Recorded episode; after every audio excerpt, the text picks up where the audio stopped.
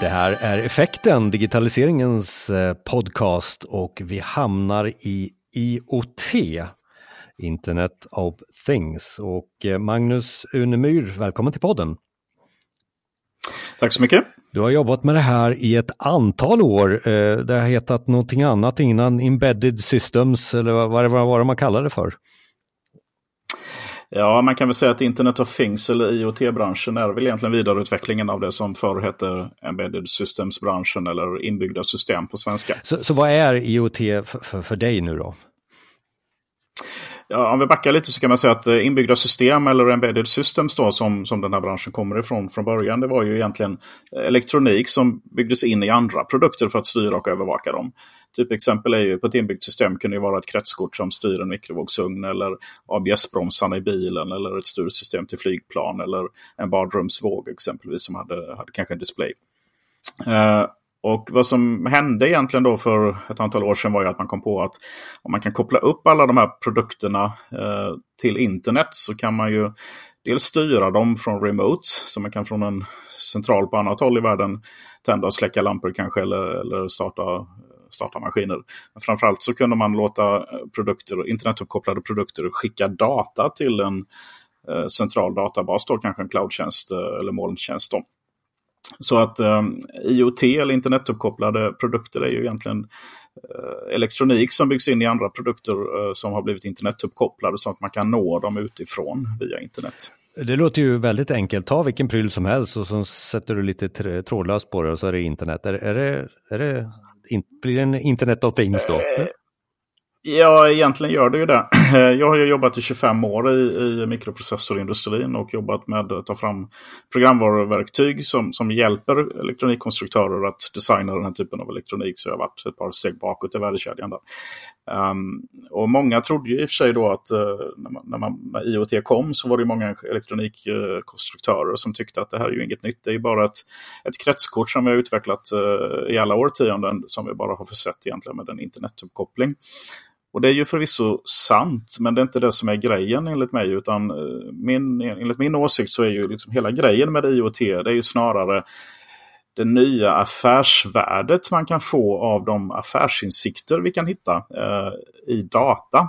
När vi kopplar upp stora mängder sensorer och maskiner och givare eh, till internet så kan vi plötsligt börja mäta massa saker som vi inte kunde mäta tidigare. Och framförallt så kan vi korrelera händelser mellan olika produkter på ett sätt som, som inte gick innan. Och därmed kan vi framförallt med AI-tekniker idag hitta affärsinsikter i stora mängder data från olika typer av maskiner och sensorer. Och de affärsinsikterna kan ju ge stora, stora nya eh, värden som, som tidigare gick förlorade kan man säga. Då. Ja, för där, där är vi ju, ge oss gärna exempel där på, på värdeskapande områden kanske vi kan börja med, eller exempel som, där det här används. Mm. Det, här, det här blir ju väldigt beroende på vem man är då. Om man är en privatperson som, som vill ha internetuppkopplade Eh, produkter hemma i lägenheten eller villan. Eller om man är ett företag som har fabriker där man vill koppla upp olika typer av sensorer och maskiner till internet. Så Det är väldigt olika, men jag kan ta två exempel. Eh, ett exempel är ju vindkraftverk. Där kan man koppla upp vindkraftverken till internet och eh, framförallt låta sensorer i vindkraftverken skicka data kontinuerligt till en molntjänst. Det kan röra sig om Eh, värme och vibrationer exempelvis i kullager och så vidare. Och då kan man med AI-analys av de här eh, värme och vibrationsmönstren upptäcka att det här vindkraftverket eh, beter sig just nu på samma sätt som andra vindkraftverk har gjort tidigare. Som sen gick sönder två veckor senare.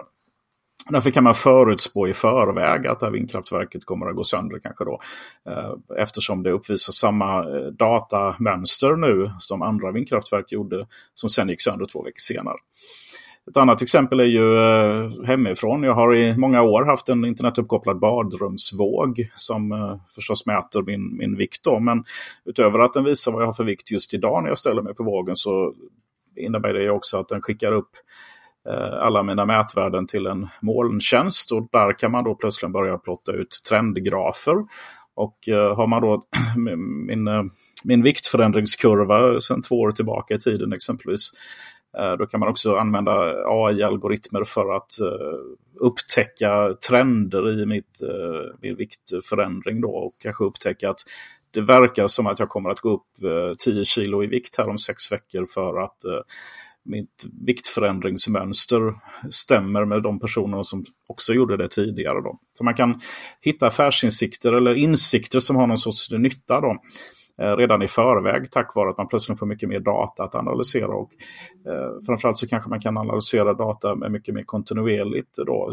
Om man, istället för att mäta hur en maskin, eh, temperaturen i maskin kanske en gång om dagen eller en gång i veckan så kanske man kan mäta det en gång i minuten. Eh, om man gör det på alla maskiner och sensorer och i en fabrik så kan man få väldigt mycket data och då kan man börja använda matematiska algoritmer för att hitta insikter i de här datamönstren som, som kan ge olika typer av affärsvärden då, eller hälsonytta exempelvis. Ett annat exempel här är ju jordbruk. Eh, det kan ju hända att många tror att eh, jordbruksbranschen kanske inte är så väldigt högteknologisk, vilket är eh, väldigt fel. Eh, man använder mycket internetuppkopplade sensorer eh, inom jordbruksindustrin och man använder mycket AI-algoritmer för att optimera eh, hur man ska driva sin verksamhet baserat på datamönster från sensorer. Och det finns ju idag en uppsjö av sensorer som man kan mäta data från. Exempelvis hur fuktigt vattnet är på åkrar, hur mycket Eh, gödsel som ska spridas på varje kvadratmeter på en åker. Men det finns ju, John DeRay har ju i många år haft självkörande traktorer och de, de styr sig själva med en precision på ungefär 2,5 centimeter eh, sägs det. Och, eh, de här självkörande traktorerna kan ju då sprida sådd och sprida gödsel eller kanske vattna Eh, automatiskt när de kör runt där. Och, eh, då kan man optimera hur mycket gödsel exempelvis som ska spridas på varje kvadratmeter individuellt baserat på 3D-topologin, kanske på en viss åker eller satellitfoton som har utsätts för AI-analys och liknande. Och då kan man minska mängden eh, gödsel och bevattning som går åt kanske för en viss, för en viss åker då, för att optimera förbrukningen av vatten och, liknande. Så att du, du ställer inte riktigt på, i, i, när jag frågar värdeskapande, så går du på exemplen runt data för att du förutsätter att alla mm. prylar kommer vara uppkopplade på något sätt i framtiden. Det är liksom kombinationen ja, av datan ja. som ger värdet. Ja, det tror jag. Eh, det är, ju, det är ju så att alla produkter som idag har elektronik i sig kommer att bli internetuppkopplade inom en relativt snar framtid tror jag. Med kanske ett fåtal undantag. Men de flesta produkterna idag som har någon typ av kretskort i sig redan kommer att vara internetuppkopplade eh, inom en rätt, rätt nära framtid. Min spaning här, och, och jag tar nog det här exemplet bara för att det är en, en konservativ bransch och det är fastighetsbranschen. Där börjar mm. det att poppa upp väldigt mycket just det att de har uppkopplat alla sina grejer och, och och man börjar fråga väldigt mycket vad ska vi göra med det här? Mm. Eh. Jag kan ta ett exempel, och nu är jag absolut ingen expert på fastighetsbranschen. Men eh, inom fastigheter så kan jag tänka mig att man brukar ju förstås eh, jobba mycket med, med värme, vatten, kanske avlopp, elförbrukning och så vidare. Uh, typexempel är då att jag bor i en uh, hyresfastighet i Jönköping som är uh, sedan uh, slutet på 1800-talet. Väldigt tjocka stenväggar, väldigt vackert hus.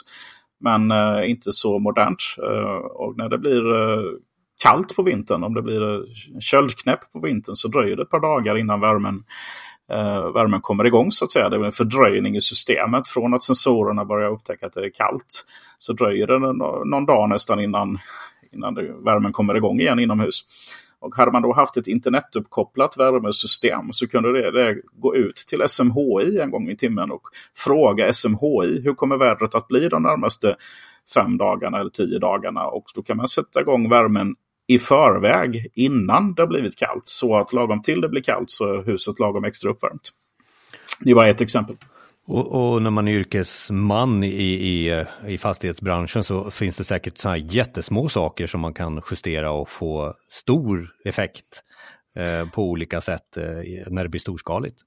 Det gör det alldeles säkert. Jag kan ta ett annat exempel som, som eh, kanske inte har så mycket med själva fastigheten att göra just, men, men det är ändå en utrustning i eh, många fastigheter. Eh, man kan tänka sig tvättmaskiner. Idag så stoppar man ju in en deciliter tvättmedel själv i tvättmaskinen och sen så får man upptäcka själv att tvättmedlet håller på att ta slut och gå till Ica och köpa i, i förväg helst. Då innan det tar slut. Men eh, i framtiden så tror jag att man kommer att ha en eh, tvättmaskin som kanske har en 50 liters tank med tvättmedel. Och eh, med AI-analys så kommer maskinen själv att upptäcka vilka mönster kring hur den används, hur mycket tvättmedel som förbrukas och själv bedöma när tvättmedlet kommer att eh, ja, man behöver köpa hem tvättmedel helt enkelt för att det hela tiden ska finnas tvättmedel hemma. Eh, just in time leverans kan vi säga av tvättmedel. Då. Uh, och nästa steg där kommer ju bli att man, det blir disruptiva affärsmodeller.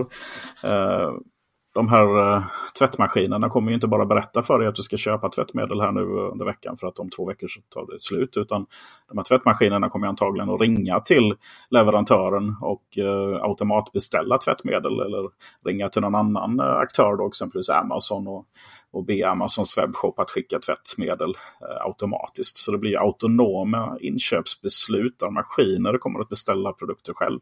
Det kan gälla kaffe till kaffebryggare, det kan gälla tvättmedel till tvättmaskiner. Det kan gälla reservdelar till industriella maskiner exempelvis. Nu, vi, nu ska jag skicka upp den här eh, varningsflaggets eh, säkerhet. Det låter lite som att om vi får saker och ting att automatiskt reagera på saker och ting så blir vi robot och det blir hur ska vi skydda roboten för att inte ta de dåliga besluten? Eh, lite science mm. fiction-fråga här då. Mm. Det finns så många etiska problem här och uh, säkerhet är ju en fråga. Dels så måste man ju tillse då att, uh, att uh, själva produkterna har, har uh, rättssäkerhetsteknik inbyggd i sig. Då, att kommunikationen exempelvis är krypterad med eh, krypterad internetkommunikation och att det finns någon typ av handskakning som gör att man inte bara krypterar informationen man skickar utan också vet att det är rätt aktör som, som, som skickar kommandon via, eh, via internet. Då.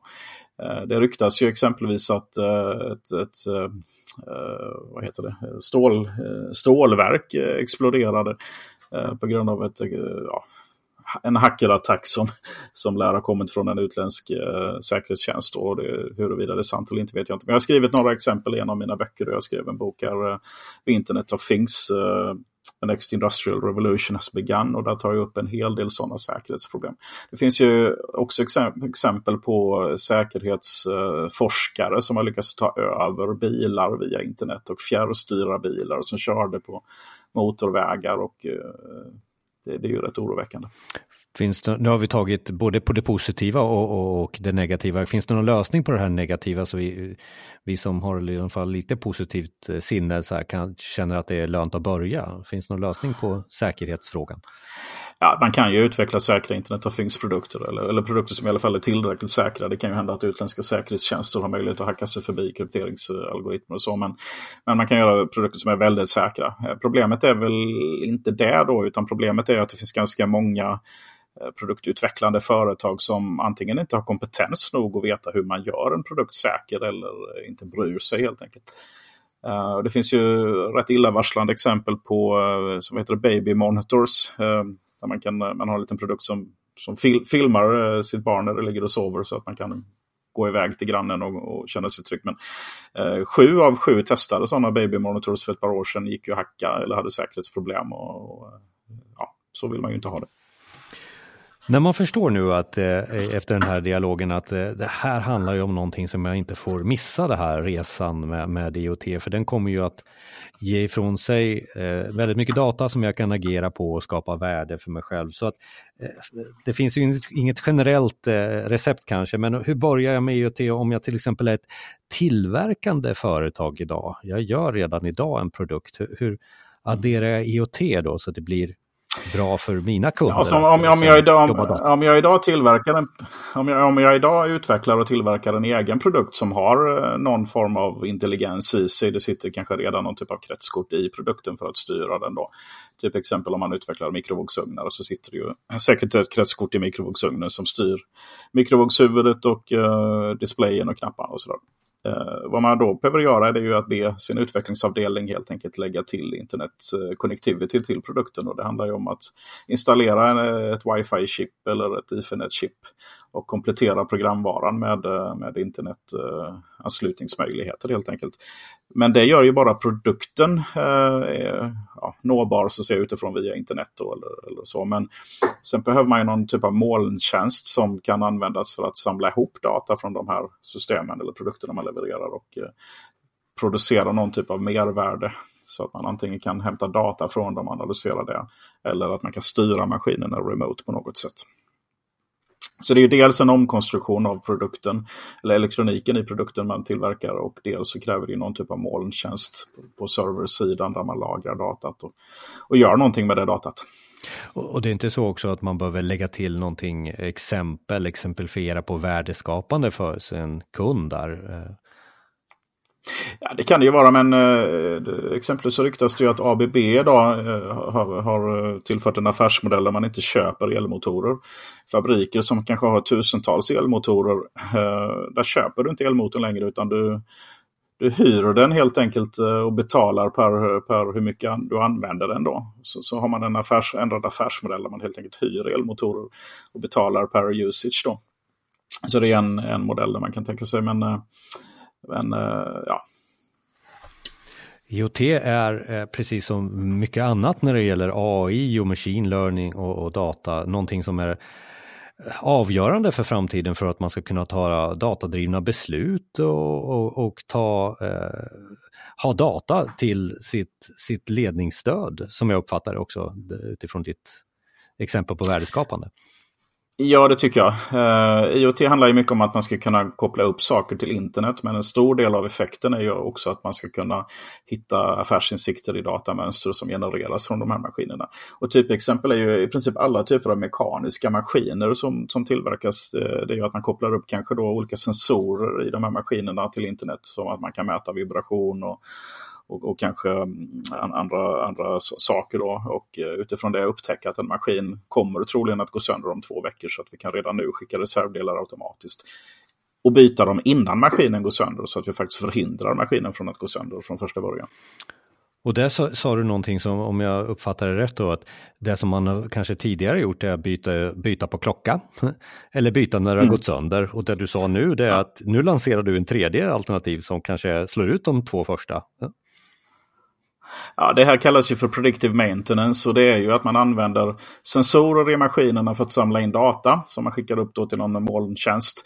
Och sen använder man AI-analys för att analysera mönstren i de här sensorvärdena.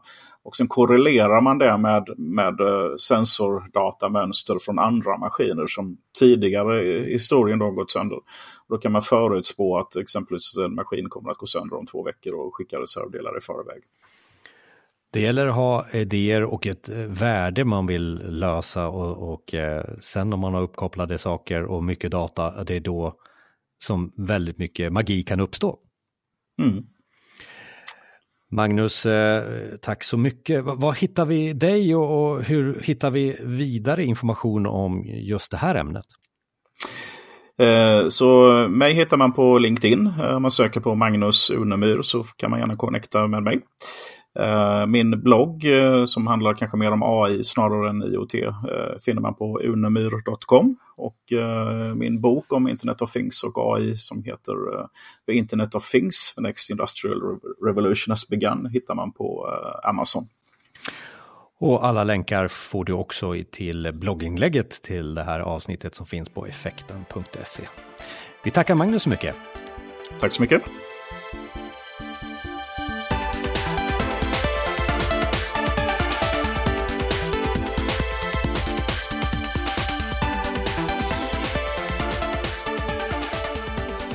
Tack för att du lyssnade. Fler avsnitt finns på effekten.se. Och vi vill höra från dig. Frågor och synpunkter. Maila oss på info effekten.se